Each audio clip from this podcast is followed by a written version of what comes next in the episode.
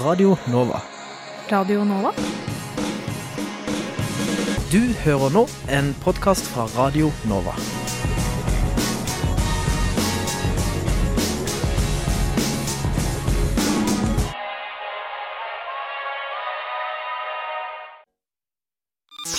Studentnyhetene. Og velkommen til Studentnyhetene her på Radio Nova med Helene Wilhelmsen og Linnea Søgaard. I dag er det fredag den 27. september, og det er skyer og regn her i Oslo.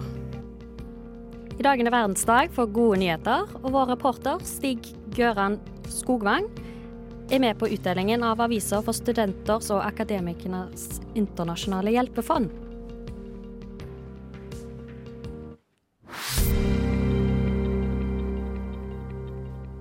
Nå er det tid for ukas nyhetsoppdatering.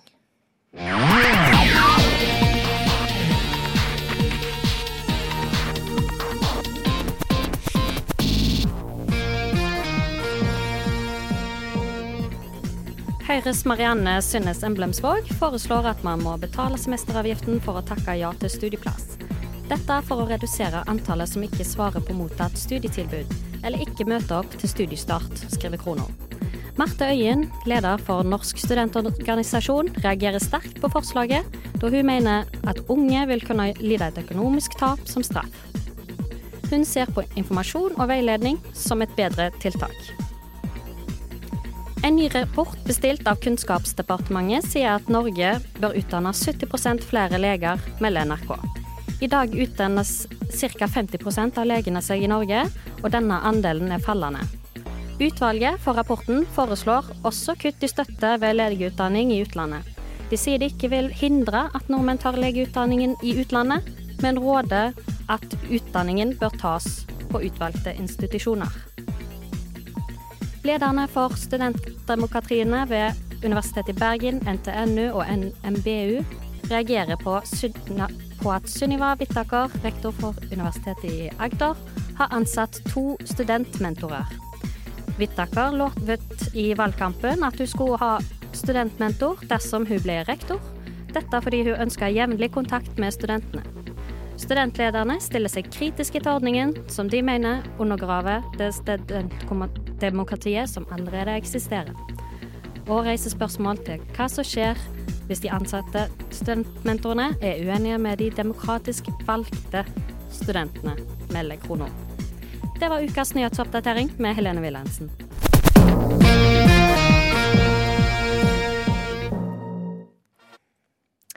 Hundesykdommen har herjet siden starten av august. Flere syke hunder har kommet inn med symptomer som blodig diaré og oppkast. Veterinærinstituttet står fortsatt uten svar. I dag er vi i Frognerparken og skal snakke med hundeeiere om hvordan de har opplevd denne mystiske hundesykdommen som har herjet siden tidlig august. Da står vi her med Monica og hennes utrolig søte hund. Hva heter det? Labrador. Labrador? Tia heter det. Tia. Og Hvordan har denne sykdommen påvirket hverdagen din? Det er helt ny hverdag. Eh, ikke de gode, lange turene vi pleier å ha. Og vi holder oss mest gatelangs og akkurat inn Frognerparken og asfalterte. Det har ikke blitt mye interaksjon med andre hunder, for å si det sånn? De vi kjenner. De dere kjenner? Ja, de vi kjenner og kjenner eierne. Da hilser vi. Ja, For det er jo mange som er veldig redde nå, nå som man går rundt på tur. Folk løper jo og gjemmer seg oppi trærne jo, med bikkjene i armene. Det er helt forferdelig å se. Så det er blitt en skrekk, det har det. Og jeg, jeg syns jo mest synd på hundene, for de skjønner jo ikke hvorfor de ikke får lov å hilse lenger. Ja, jeg syns det er forferdelig at eh, så mange hunder blir syke og eh, dør. Eh, Jeg har ikke vært så hysterisk når det gjelder henne. Eh, nå har jeg ikke en unghund heller, hun er 13 år. Så, eh, og hun vil gå litt fri. Så jeg har faktisk latt henne gjøre det. For jeg syns det er ille at de må gå i bånd tett inntil din kropp. Men jeg har blitt bedt om, eh, når jeg har møtt andre hunder, så har jeg blitt bedt om å ta henne i bånd. Og da har jeg selvfølgelig respektert det. Og eh, tatt henne i bånd når vi har gått forbi. Folk er veldig eh, heter det, restriktive, eller hva kaller du det? Altså, de er veldig sånn eh, redde. De holder seg jo De vil helst ingen, at ingen andre hunder skal komme innpå dem. Men jeg tror det er tull. Jeg var på jakt nå med to andre to andre setter, altså det er ikke en setter, men to, to setter. Og, og, som vi sa, at det, liksom, vi ser jo det at det er jo ingen Vi har jo lest om at det er flere hundehold hvor det er flere hunder i samme hus, og, de smitter ikke hverandre. Så, så ja. Så vi eh, så jeg tror på det, at dette er helt tilfeldig. Jeg vet ikke hva det vi, vi vet ikke hva det er, men jeg, uansett, altså, jeg, jeg vil iallfall ikke ta det så veldig alvorlig. Den har påvirket hverdagen min ganske mye. Um, Det er første dagen vi er i Frognerparken i dag, og vi bor rett eh, borti gata. Så det har blitt lite tur. Eh, Og han får ikke hilse på andre hunder, og vi går på de samme stedene liksom hver eneste dag. Så det er mindre turer, ikke noe hilsing. Ja, så det påvirker både meg og hunden. Merker du noe frustrasjon hos han med at han ikke får gå de lange turene, eller noe sånt? Han kjeder seg nok mye mer, ja. Så vi, prøver, vi har prøvd på litt sånn hjernetrim hjemme, da. Men eh, det er ikke alltid at eh, han gidder det heller. Så han er liksom så gammel og satt, da. Så når liksom jeg har prøvd det, så er han ikke så interessert. Men jeg, han kjeder seg. Ja, vi kjeder oss begge to. Ja, det skjønner jeg. Det var Anna Øvrevik og Josefine Petersen som tok en prat med hundeeiere i Frognerparken. Oslo kommune har innført krav om saluttkurs for ansatte i diverse stillinger på utesteder som holder åpent etter klokken 01.00 på natta. Kursene varer i seks timer og koster 500 kroner per person. Studentpuber som opererer med frivillig arbeidskraft, får store driftsutfordringer i møte med vedtaket. Vi har møtt Adrian Helle. Han er tidligere daglig leder for studentkjelleren Escape, og nåværende talsperson for studentpubene på Blindern. Hva slags driftsutfordringer har dere møtt på etter at kravet om saluttkurs kom? Jo, det er jo en del forskjellige problemer som har oppstått pga. det. Et av hovedproblemene er rett og slett eh, rekruttering. Folk må bruke seks timer minst på å ta dette kurset. Og eh, når man er student og frivillig, så er det logistikk som ikke helt eh, går opp. En av hovedproblemene med nettopp det å ikke ha nok folk som har sluttkurset, er jo da at man eh, må enten stenge tidligere, eller at man er nødt til å redusere bemanningen. Eh, og red reduksjon av bemanningen er på en måte veldig eh, problematisk fordi vi lener oss veldig på det at vi har veldig mange eh, frivillige som jobber hver, eh, på hvert, hvert skift. Da. Og det er en av styrkene som gjør at vi får så god oversikt og rett og slett blir sett på som et lavrisikoområde av politiet. Hvor mye koster det å ta et saluttkurs? Et saluttkurs koster 500 kroner, kroner per hode. Eh, og det må enten da betales av den som tar kurset selv, eller av eh, foreningen som, som drifter av studentkjellerne. Eh, en student har ikke så mye penger og har ikke mulighet til å betale for det. Og studentkjellerne er drevet frivillige og har ikke så høy profittmargin på varene de selger. Og det gjør at 500 kroner per person er ganske mye, hvis man ser, ser det i sammenheng at det kanskje er opptil 100 interne eller flere som har disse kursene. Hva slags konsekvenser vil deres lavere kvalitet av tilbud ha? Ja, eh, Hvis vi ender opp med å stenge tidligere, så vil jo det føre til at studentene mest sannsynlig trekker nedover mot sentrum, eller at de trekker hjem på nachspiel. Eh, problemet med at de trekker ned til sentrum er at det allerede er sett på som et risikoområde av politiet, og de vil helst holde studentene på Blindern. Hvis de ender opp med å dra på nachspiel, så er det vanskeligere for de personalene som jobber i barer å ha kontroll rett og slett på hvor, hvor høyt inntak folk har av alkohol. Og man risikerer at flere ender opp på legevakten pga. alkoholforgiftning. Hvilke type endringer håper dere på? Drømmescenario er jo at man slipper å ha det saluttkurset for studentskjeldere. Altså, beste løsningen vil nok ha vært å begrense, begrense, kravet på hvor mange som må ha saluttkurset under hvert skift. Hvordan jobber dere med å få løst denne situasjonen? Ja, så Vi har jo både samarbeida litt med Velferdstinget og Studentparlamentet. Og vi har hatt bl.a. en disputt hos finanskomiteen i Oslo kommune. Det fikk vi ikke noen ting gjennom på der og da. Men nå har det vært bytta byråd, så forhåpentligvis kan vi få til noen endringer der. Vi har jo også jobba litt opp mot næringsstaten selv, som utfører disse kontrollene. Og de har vært veldig villige til å prøve å tilpasse kursene og finne andre måter for å få studentene til å ta det på. Da. Takk til Adrian Helle. Nestleder i Samfunnsvitenskapelig fakultetsforening og talsperson for UN, Maren Wiig Eriksen, kommenterer også saken. Hva slags konsekvenser har saluttkravet hatt for drifta av UN? Vi har jo måttet stenge en time tidligere. Vi har rett og slett ikke råd til å sende alle på kurs, fordi vi har rundt 100 interne som jobber i baren hvert semester. Eh, og det er ganske hyppig utskiftning også hvert semester, sånn at det ville kostet oss rundt 50 000 kroner per semester å sende folk på saluttkurs, og det har vi rett og slett ikke råd til. Eh, vi anser oss selv som et trygt sted å være, eh, og ønsker jo at studentene skal komme til oss. Eh, men nå merker vi det at flere drar heller til sentrum enn å være her, da.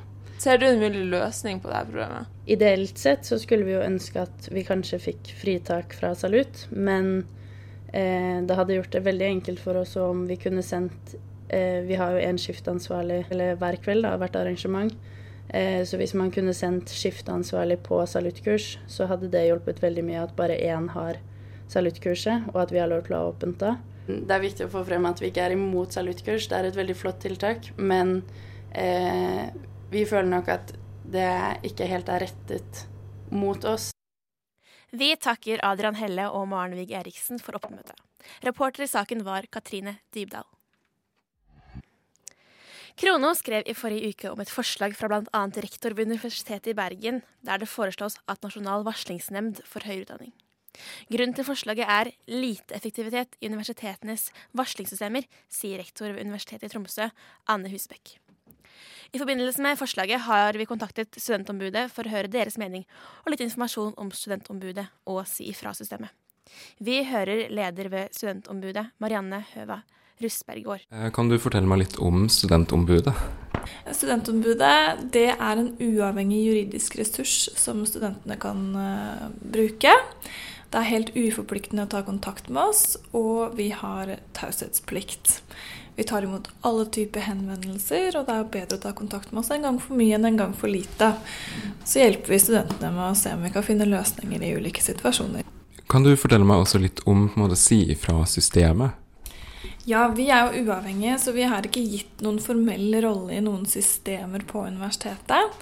Men i Sifra-systemet så står det at man kan kontakte studentombudet som en støtteperson. Eh, vår oppgave er jo å bidra til at studenters rettigheter ivaretas. Og det gjelder jo også da i SIFRA-prosesser. Så eh, akkurat når det kommer til SIFRA-systemet til universitetet, så kan du jo godt si at vi har en, en rolle, men vi driver ikke med saksbehandling f.eks. Vi hjelper eh, studenten eh, ene og alene. Det er jo en eh, kanal hvor studentene kan si fra om positive og negative ting med læringsmiljøet på universitetet. Da har man en gul linje som er ting man er misfornøyd med, en rød linje for de mer alvorlige sakene, og så har du en grønn linje for positive tilbakemeldinger. Så sier det kanskje seg selv at jeg møter jo da studenter som ønsker å si fra i gul og rød linje. Fra 1.8.2019 så ble studentombud lovpålagt. Så det vil jo si at det ikke lenger er valgfritt eh, å ha studentombud eller ikke. Universitetet i Oslo var jo først ute, eh, og flere har jo fulgt etter også før loven kom på plass. Eh, og overalt vil jeg jo si at denne uavhengigheten er vektlagt. Og per i dag er det jo ingen studentombud i Norge som er finansiert av noen andre enn utdanningsinstitusjonen sin. Det var eh, måte, foreslått et forslag om en nasjonal varslingsnemnd hva tenker du eventuelt om en sånn nasjonal varslingsnemnd? Når det kommer til det med nasjonal varslingsnemnd, så må jo noe av poenget med det være en distanse og en uavhengighet eh, fra det fagmiljøet hvor man f.eks. har opplevd kritikkverdige forhold. Eh, og vår erfaring da med studenter er jo at det er vanskeligere, oppleves vanskeligere å si fra i små fagmiljøer sammenligna med større fagmiljøer. Eh, fordi det da er lettere å kjenne på eh, frykt for negative konsekvenser som følge av at man har sagt fra. Kanskje ønsker man seg en videre akademisk karriere, eller man er bachelorstudent og søker videre på master, og så er man usikker på om man tør å si fra om, om ting som skjer i læringsmiljøet. Eh, nettopp fordi eh, miljøet er så lite. Så i forlengelsen av det, som da er vår erfaring, så er det klart at eh, en, en distanse kan absolutt være, være et poeng. Samtidig som det er jo også viktig å ansvarliggjøre de som er ansvarlige for læringsmiljøet. Og det er jo gjerne lokalt. Så eh, jeg kan ikke si at jeg har noen løsning på det, men min erfaring tilsier i hvert fall at, at en viss distanse kan ha en effekt for å senke terskelen for å si fra. Vi vet jo fra f.eks. SHoT-undersøkelsen at det er flere studenter som opplever negative ting enn de som sier ifra. Så man snakker jo om at det fins mørketall. Altså det er studenter som velger å ikke si fra. Det er også vår erfaring. Vi snakker med mange studenter som velger å ikke si fra. Så man må jo da se på hva er, hva er målet. Får man inn flere saker, så vil det selvfølgelig koste mer penger. Og hvis man har tiltak som fører til at terskelen senkes og flere kommer inn, så, så koster det penger. Men så er det kanskje også Eh, et mål, da. At flere velger å fortelle. Der hørte du leder ved studentombudet Marianne Høva Rustgard. Reporter i saken var Stig Gjøran Skogvang. Og nå har vi direkte fra Grønlandstog med oss Stig Gjøran Skogvang. Hva skjer der nå? Jo, her står jeg nå eh, med en rekke frivillige og deler ut eh, aviser. Og jeg står nå sammen med Sunniva og Hege, ja, vi er ledere i SIH og Spire, som er to av samarbeidspartnerne til Verdens beste nyheter. Som er et prosjekt sammen med Spire, Changemaker og SIH. Og det vi ønsker å gjøre med Verdens beste nyheter, er å vise at verden faktisk går framover også. Vi syns at eh, i mediebildet kommer det ofte litt sånn negative saker frem. Og det er mye katastrofe og konflikter og kriser og alle mange K-er. Så vi har lyst til også å vise at eh, det er framskritt. At når man jobber sammen, så kan man også finne gode løsninger, sånn at vi kan nå bærekraftsmålene. At vi kan få en mer rettferdig og bærekraftig verden også. Eh, dere har jo stått her nå siden klokken ni, og frivillige har jo gått rundt siden klokken syv. Hvordan føler dere at det har gått så langt? det har jo gått forholdsvis bra. Vi har ikke vært så heldige med været som vi kanskje gjerne skulle vært. Men vi opplever at folk er veldig glad for å få gode nyheter. Og det som er veldig gøy, er at når vi møter folk nå, så er de litt sånn Å, jeg snakka akkurat med en kollega eller en venn om en eller annen krise eller eh, noe som har skjedd i mediebildet som ikke har vært så positivt. Så blir folk veldig glad for oss å få den oppløftende liksom, innsynet da, i hvilken retning verden går, at man også kan ta det med seg videre og snakke med andre om det. Og det er litt det vi håper at vi kan skape en sånn dominoeffekt. At uh, de som går inn i helga nå og dagen sin, de kan se at OK, verden går litt framover. Og i hvert fall etter den uka vi har hatt med, med diverse kommentarfelt mot Greta Thunberg og nye FN-rapporter som viser at havnivåene kommer til å stige. og Eh, isenbrennet smelter raskere enn tidligere antatt, så er det liksom dette her altså viktig å vise. da. Eh, sånn at man har, eh, har litt mer håp og ikke så mye apati for framtiden. Kan dere fortelle litt om selve kampanjen? Kampanjen er egentlig ganske enkel. Den går ut på å spre gode nyheter. Så i dag er kampanjedagen. Da deler vi ut en avis over hele Norge. På 50 forskjellige steder i Norge så kan man få Verdens beste nyheter-avisen i dag proppfull av eh, gode nyheter. og Det er, liksom, det er alt fra eh, store nyheter om at verden generelt har blitt veldig mye bedre å være ung i, ned til eh, veldig mye mer konkrete ting, som en høvding i Malawi som har klart å annullere 1400 barneekteskap. Og bison er ikke lenger utrydningstruet. Eh, og ikke minst så bruker man nå droner til å frakte medisiner. Så over hele verden så skjer det store og små framskritt, og de ønsker vi å vise folk. Eh, og resten av året så er det selvfølgelig også mulig å få gode nyheter hvis man går inn på nettsiden til Verdens beste nyheter. Verdensbestenyheter.no. Og selvfølgelig på sosiale medier, da. Mm. Dere har jo snakket litt om eh, noen av sakene, men eh, har dere lyst til å snakke litt om noen konkrete saker dere har jobbet med? Det som også ligger litt i Verdens beste nyheter-kampanjen, og som også er en del av eh, måte, vårt formål, er også å gi et lite sånn stikk til tradisjonelle medier, som ofte dekker ganske mye krisesituasjoner, men ikke løfter de gode sakene også. Så Det er jo noe vi jobber mye med. Vi jobber med mediehus og jobber med å komme inn i media for å vise at det også er viktig å få med de gode sakene, selv om utvikling ofte går mye eh, treigere, og det, er liksom, det man må måle det over lengre tid. og Det er ikke sånn så liksom, klikkverdig som eh, en katastrofe her eller en konflikt der, eller noen som sier noe i kommentarfelt her eller noe på Facebook der. Så er det også viktig å vise det at verden går fremover. Veldig mange unge mennesker tror at verden er mye verre enn det den faktisk er. Man har målt, og Norad har gjort eh, målinger på det, og undersøkelser på at man faktisk har liksom, et forvridd verdensbilde. Man tror virkelig ikke at verden går framover. Eh, og det er noe vi jobber mye med. Å vise det positive og få folk til å tro at verden faktisk går framover, men også vise media at de har et ansvar for å også vise de sakene. Eh, ja, hvor deles de avisene ut her i Oslo? Avisa deles ut eh, på eh, over 50 steder i eh, hele Norge i dag.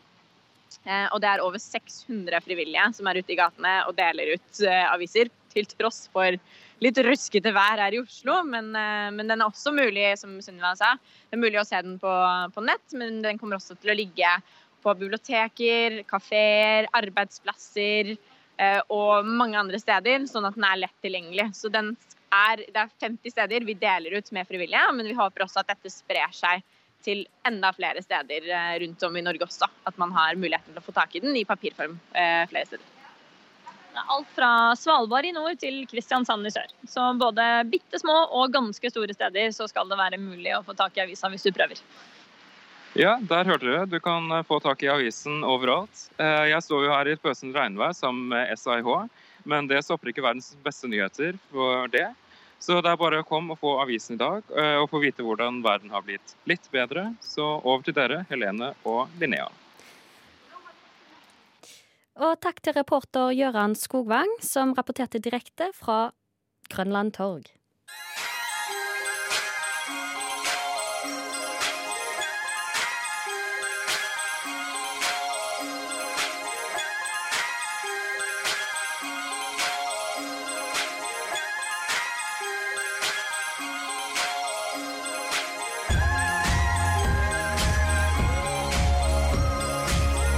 Siden 1982 har Radionova gitt deg favorittmusikken din. Før du visste at du likte den.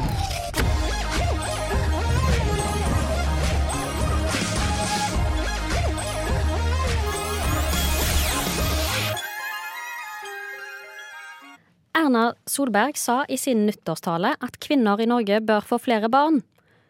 Gjennomsnittsalderen for førstegangsfødende i Norge var i 2018 29,5 år, og samlet fruktbarhetstall lå på 1,56. Det er det laveste tallet noensinne, ifølge Statistisk sentralbyrå. Hvordan bidrar SIO barnehagene til muligheten av å få barn i studietiden? Nå er det Sogn studentby, og rett ved siden av finner jeg SIO-barnehagen på Sogn. Og dit er jeg på vei nå. Her skal jeg snakke med Kirsti Eriksen, som er leder for barnehagen, om hvordan SIO-barnehagene tilrettelegger for at studenter kan ha barn i studietiden. Det som er fint med SIO barnehage, er jo det at de kan fortsette å ha barnet sitt her helt til barnet begynner på skolen. Så selv om du slutter å studere, så har du fortsatt barnehageplassen. Hva koster det å ha barna i barnehagen? Du betaler 6 av inntekten din. Nå er jo ikke du en studentmor som har barn i barnehagen, du er styrer. Men kan du si noe om uh, hvor lett du tror, eller hvor lett du ser det er å ha barn i barnehagen mens man studerer? Nå har jeg jobba mange år som styrer, og jeg er jo ganske sikker sikker på det at for en del studenter så er det mye, mye bedre å ha barn i SIO barnehage enn i en kommunal barnehage. Eh, barnehagetilbudet som ut fra barnehagelov eh, er nok på mange måter ganske likt, men vi har en del ekstra tilbud til studenter. Eh, F.eks. så kan vi etter søknad eh, åpne tidligere, ha oppe seinere hvis du skal i spesielle praksisperioder og andre ting. Vi serverer jo varm lønn lunsj gratis hver dag. Vi leier ut lokalene gratis til bursdager, f.eks. For, for det er mange bor jo trangt. Så har vi jo noe vi kaller eksamensgaranti, må kanskje nevne. Vi garanterer ikke at det står til eksamen, men det er jo et problem i forhold til dette å ha syke barn, f.eks. Og noen studenter kommer jo fra steder inn til byen, og de har lite nettverk. Da kan vi faktisk ta vare på barnet ditt hvis det er sykt den dagen du skal ha eksamen. Det får du ikke noen andre steder. Er det mange enslige fremfor par som har barn her? Jeg tror, jeg tror nok det er mange av begge deler. Uh, enslige blir prioritert fremfor par når de er studenter. De, de som er enslige, de trenger barnehagen mye, mye mer. Og særlig hvis de kommer fra andre steder i Norge. Vi, vi bryr oss om barnet ditt sammen med deg hver eneste dag og skal være en god samtalepartner og føle at du kan gjøre det du er i byen for å gjøre. Tenke på at barnet ditt har det bra. Er det kun studenter som har barn i denne barnehagen? Hovedsakelig studenter som har barn i denne barnehagen. For de har jo prioritert eh, opptak, så de blir foretrukket. Men er det noen andre som har søkt, og vi har ledige plasser, så tar vi inn andre. Opplever du at eh, foreldre er fornøyd med barnehagen? At de får nok informasjon osv.? Ja, det må jo foreldrene svare på. Eh, vi har veldig gode brukerundersøkelser hvor fornøydheten er stor. Vi påstår at vi kan mer om studenten enn andre barnehager. Det tror jeg er sant. Og vi lytter til dem. Hva tenker du er SIO-barnehagenes største utfordringer? Det må jo bli at studentene skal eh, søke oss. Det er viktig for oss at, eh, at de ser at vi faktisk fins der, og at de tar kontakt med de nærmeste barnehagene våre, ringer, går inn på nettsidene til SIO og ser der ligger det presentasjon av alle våre ti barnehager. Ser om dette kan være noe for, for dem. Kom eventuelt på besøk. Det er bare hyggelig. Tusen takk. Takk, takk. Og det var Linnea Søgaard som var reporter i saken, og hun intervjua Kirsti Eriksen. Siden starten av 2018 har flere norske influensere bedt om en mal som er lettere å følge når det kommer til reklame og samarbeid. Denne uken slapp Fagutvalget for influensermarkedsføring, også kalt FIM, en hel del retningslinjer som skal gjøre det lettere å vite hva som er greit og ikke. Den har skapt en del reaksjoner, både fordi den tar for seg produkter som omega-3 og energibarer, men også fordi konsekvensene influenserne vil få om de skulle gjøre feil, virker uetisk for mange. Det ble denne uken kjent at Fagutvalget for influensermarkedsføring kom med noen nye retningslinjer som skal gjøre det lettere for influensere å forholde seg til regelverket og unngå samarbeider med aktører som fremmer kroppspress. Utvalget har kommet med konkrete eksempler med konkrete sanksjoner. De har delt opp i to grupperinger kosttilskudd og kosmetiske inngrep. Under kosttilskudd kan man nå finne at det nå frarådes mot å reklamere for produkter som er ment for å redusere sultfølelse, øke forbrenning, redusere kaloriinntaket, bygge muskelmasse eller fremmer et visst kroppsideal, øke prestasjonsnivå og lignende funksjoner. Det er også en lang liste med forskjellige kosmetiske inngrep de mener burde være ulovlig å reklamere for. Den fullstendige listen kan finnes på fim.as. Det er ikke ulovlig å reklamere for dette, men dette utvalget ønsker å sette fokus på det, at det er en trend som må snus for å ivareta de unges psykiske helse. Det som har uroet en del mennesker, er måten dette skal i hermetegn straffes med. Siden dette ikke er bestemt ved norsk lov, og det er ikke så mange måter å straffe dette på, har fagutvalget for influensemarkedsføring bestemt at klager som er ferdig behandlet, skal publiseres. Med andre ord skal deres nettsider være en slags digital gapestokk for influensere. Jeg har snakket med flere studenter på journalistikk ved Høgskolen Kristiania som mener dette er en uetisk måte å behandle klager på. Flere mener at dette bryter med Vær varsom-plakatens paragraf 4-7, Vær varsom ved bruk av navn og bilde og andre klare identifikasjonstegn på personer som omtales i forbindelse med klandreverdige eller straffbare forhold. Studentene skal nå se nærmere på saken, og det kan forventes en nettsak om dette innen kort tid. The star of the show, hardworking Mr. James Hi,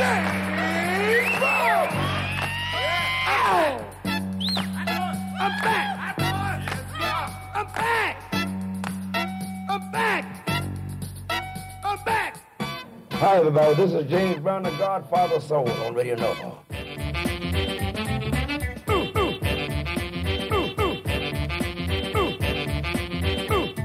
Vi hørte Johanne Usdal i saken om nye retningslinjer for influensermarkedsføring.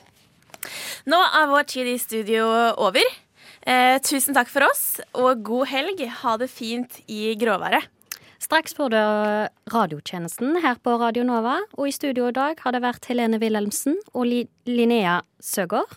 Tekniker i dag har vært Sander Zakaria. Du har hørt en podkast fra Radio Nova. Likte du det du hørte? Du finner flere podkaster i iTunes og på våre hjemmesider radionova.no.